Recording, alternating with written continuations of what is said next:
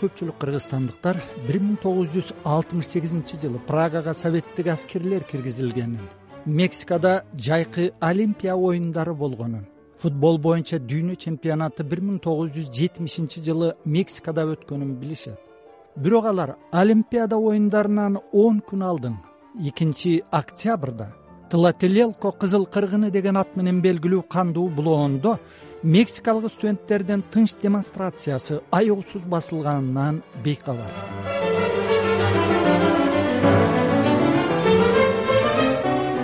мексиканын жетимиш университетинин студенттери жана атайын окуу жайларынын окуучулары негиздеген протестчилердин улуттук кеңеши. Ошондо өкмөттөн нааразычылык акцияларын басуу үчүн түзүлгөн атайын жандармерияны таратуу абакка салынган студенттерге жана алардын жакындарына эркиндик берүү болуп алты талап койгон бирок президент диас ордас өлкөнүн бейкут жашоосун айрым хиппилер менен коммунисттердин бузганына жол бербейм деп сүйлөшүүгө барбайт. Шамченде үч доор маданият аянтынын үстүнөн каршы терши ок учуп деңиздей күлкүлдөгөн көпчүлүк чак чилекей түшөт. Аянттан чыкчу эки дарбазаны бууган солдаттар сыртка эч кимди чыгарбайт да киргизбейт. Снайперлер аткан октон ондогон демонстранттар шейит кетет. Бүгүнкү чейин капсалаңдуу окуяда канча жан өлгөнү талаш бийлик отуз үч адам өлгөнүн айтса күбөлөр аянтта ок чаңылып курман болгон жүздөгөн адамдарды көргөнүн айтышат. Америка кошмо штаттарынын улуттук коопсуздук архивинин улук аналитиги кейт дойл каргашада кырк төрт адам окко учканын расмий далилдеген. Кок алаңдын эртеси таң азанга калбай аянт тазаланат. Бир миң үч жүздөн ашуун адам камакка алынат. А он күндөн соң мехикодо жайкы олимпиада оюндары ачылат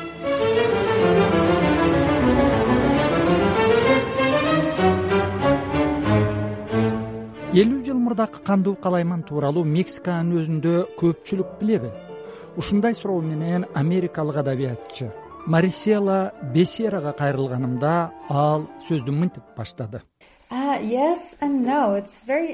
Ооба да жок да. Бул абдан кызык дебейсизби мексикада бир миң тогуз жүз алтымыш сегизинчи жылкы алаамат окуяга өкмөт цензура жарыялап койгон мисалы бир миң тогуз жүз токсон сегизинчи жылы өкмөт кызыл кыргын тууралуу кино тартууга уруксат берген эмес. Ал фильм жашыруун тартылмак ошол эле учурда калайман тууралуу луис гонсалес альва жана елена понятовская сыяктуу жазуучулар. Ошондой эле дүйнөдө таанымал акын публицист октавио пас такай сөз кылышат. Ушинтип береги окуя тууралуу үзбөй сөз кылган төтөн жазуучулар бар. Бирок реалдуу жылыш жок ырас мурдакы президент луис эчеверия кыргынга жооптуу деп айыпталып бирок айыбы далилденбей үч жылдан кийин иш жабылган. Соттор данакер эмеспи. Калайман жөнүндө канча айтылса да эч нерсе өзгөрбөдү. Бул кызыл кыргын тууралуу ал кезде мексика менен достук мамиледеги мурдакы сссрдин маалымат булактары дээрлик ооз ачкан эмес. Бул себеби прагага аскерий десант киргизип чехословакиянын реформачыл лидерлерин бийликтен кетирген кпсстин башчылары үчүн өз айыбын өзү ачкандай иш эле ошого эриктүү кыргызстан түгүл жалпы постсоветтик мейкиндикте мехикодогу бир миң тогуз жүз алтымыш сегизинчи жылкы кандуу коогалаң жана ал окуянын баш каармандарынын бири жазуучу луис гонсалес альванын ысмы белгисиз мексика өкмөтү жана бийликти ондогон жылдар менчиктеп отурган институционалдык революциячыл партия тлателололко калайманы тууралуу айтууга ондогон жылдар тыюу салат. Эки миңинчи жылы улуттук аракет партиясынын өкүлү президент шайлангандан кийинки алгачкы жолу бир миң тогуз жүз алтымыш сегизинчи жылкы кыргынды жана студенттик кыймылды күч менен тозутуудагы өкмөттүн жоопкерчилиги тергеле баштайт. Ага дейре кандуу булоон тууралуу жазуучулар журналисттер жана сүрөткерлер гана зарлап жүрүшкөн эки миң алтынчы жылы экс президент луис эчеверия жана кээ бир мартабалуу аскер адамдары геноцидке жооптуу деп камакка алынат. Бирок бир ай өтпөй жоопкерчилик мөөнөтү өтүп кеткен деп акталышат. Ошентип бүгүнкү дейре ондогон бейкүнөө жарандардын жанын алган кызыл кыргынга жооптуулар белгисиз. бир миң тогуз жүз алтымыш сегизинчи жылкы мексиканы тербелткен студенттик кыймыл тууралуу жана алааматтын курмандыктары жөнүндө жаш муунду кой жалпы коом так билбегенин айтат доктор мариселла бесерра. Ар жылы экинчи октябрь мексикада калың эл катышкан жүрүштөр менен белгиленет. Мехико шаарындагыдан да чоң жүрүштөр өлкөнүн калган бөлүктөрүндө өтөт.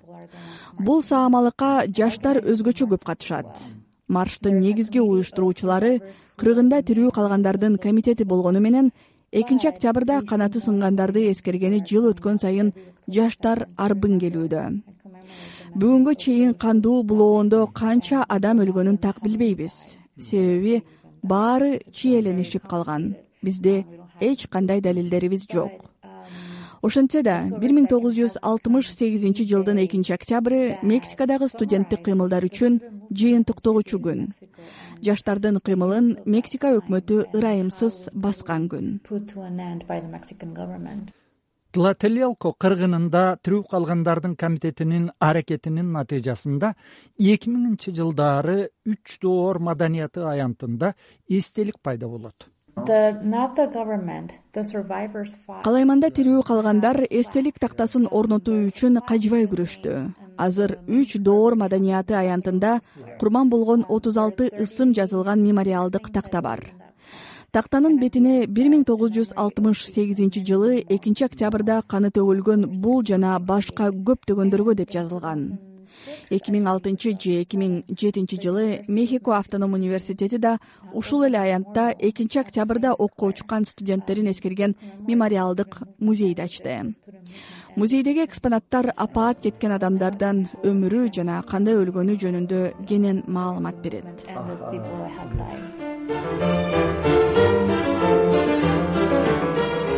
Сиздер бир миң тогуз жүз алтымыш сегизинчи жылкы мехикодогу кызыл кыргын жана луис альванын чындыгы деген берүүнү угуп жатасыздар.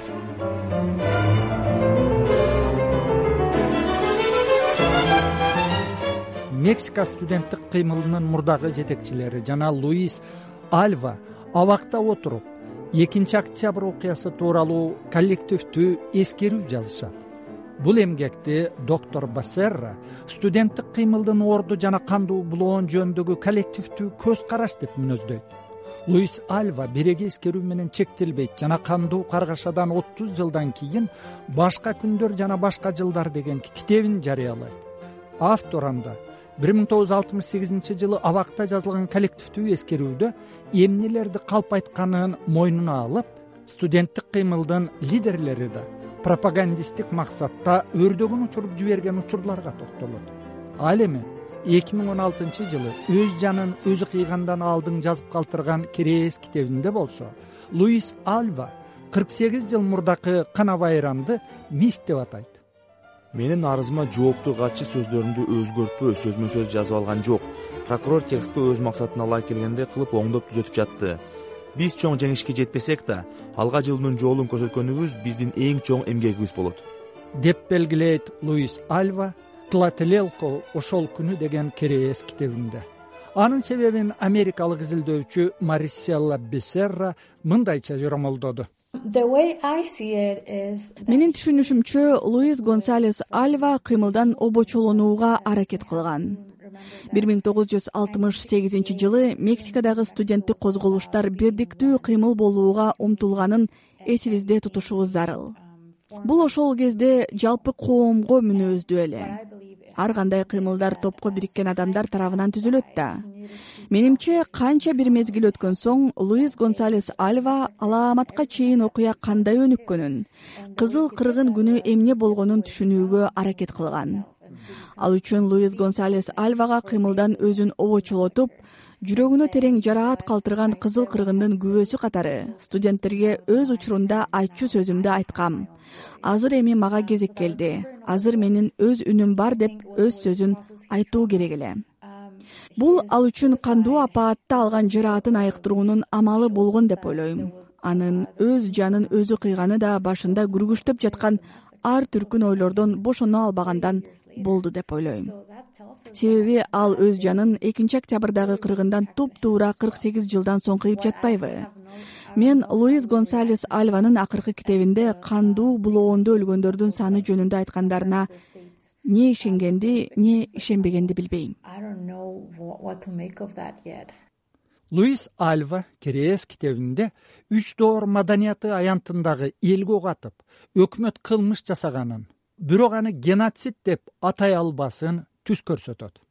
Кыргында өлгөн отуз сегиз адамдын ысмы монументте чегерилген. Алар кызыл кыргын жана кылмыш деп айтканга жетиштүү.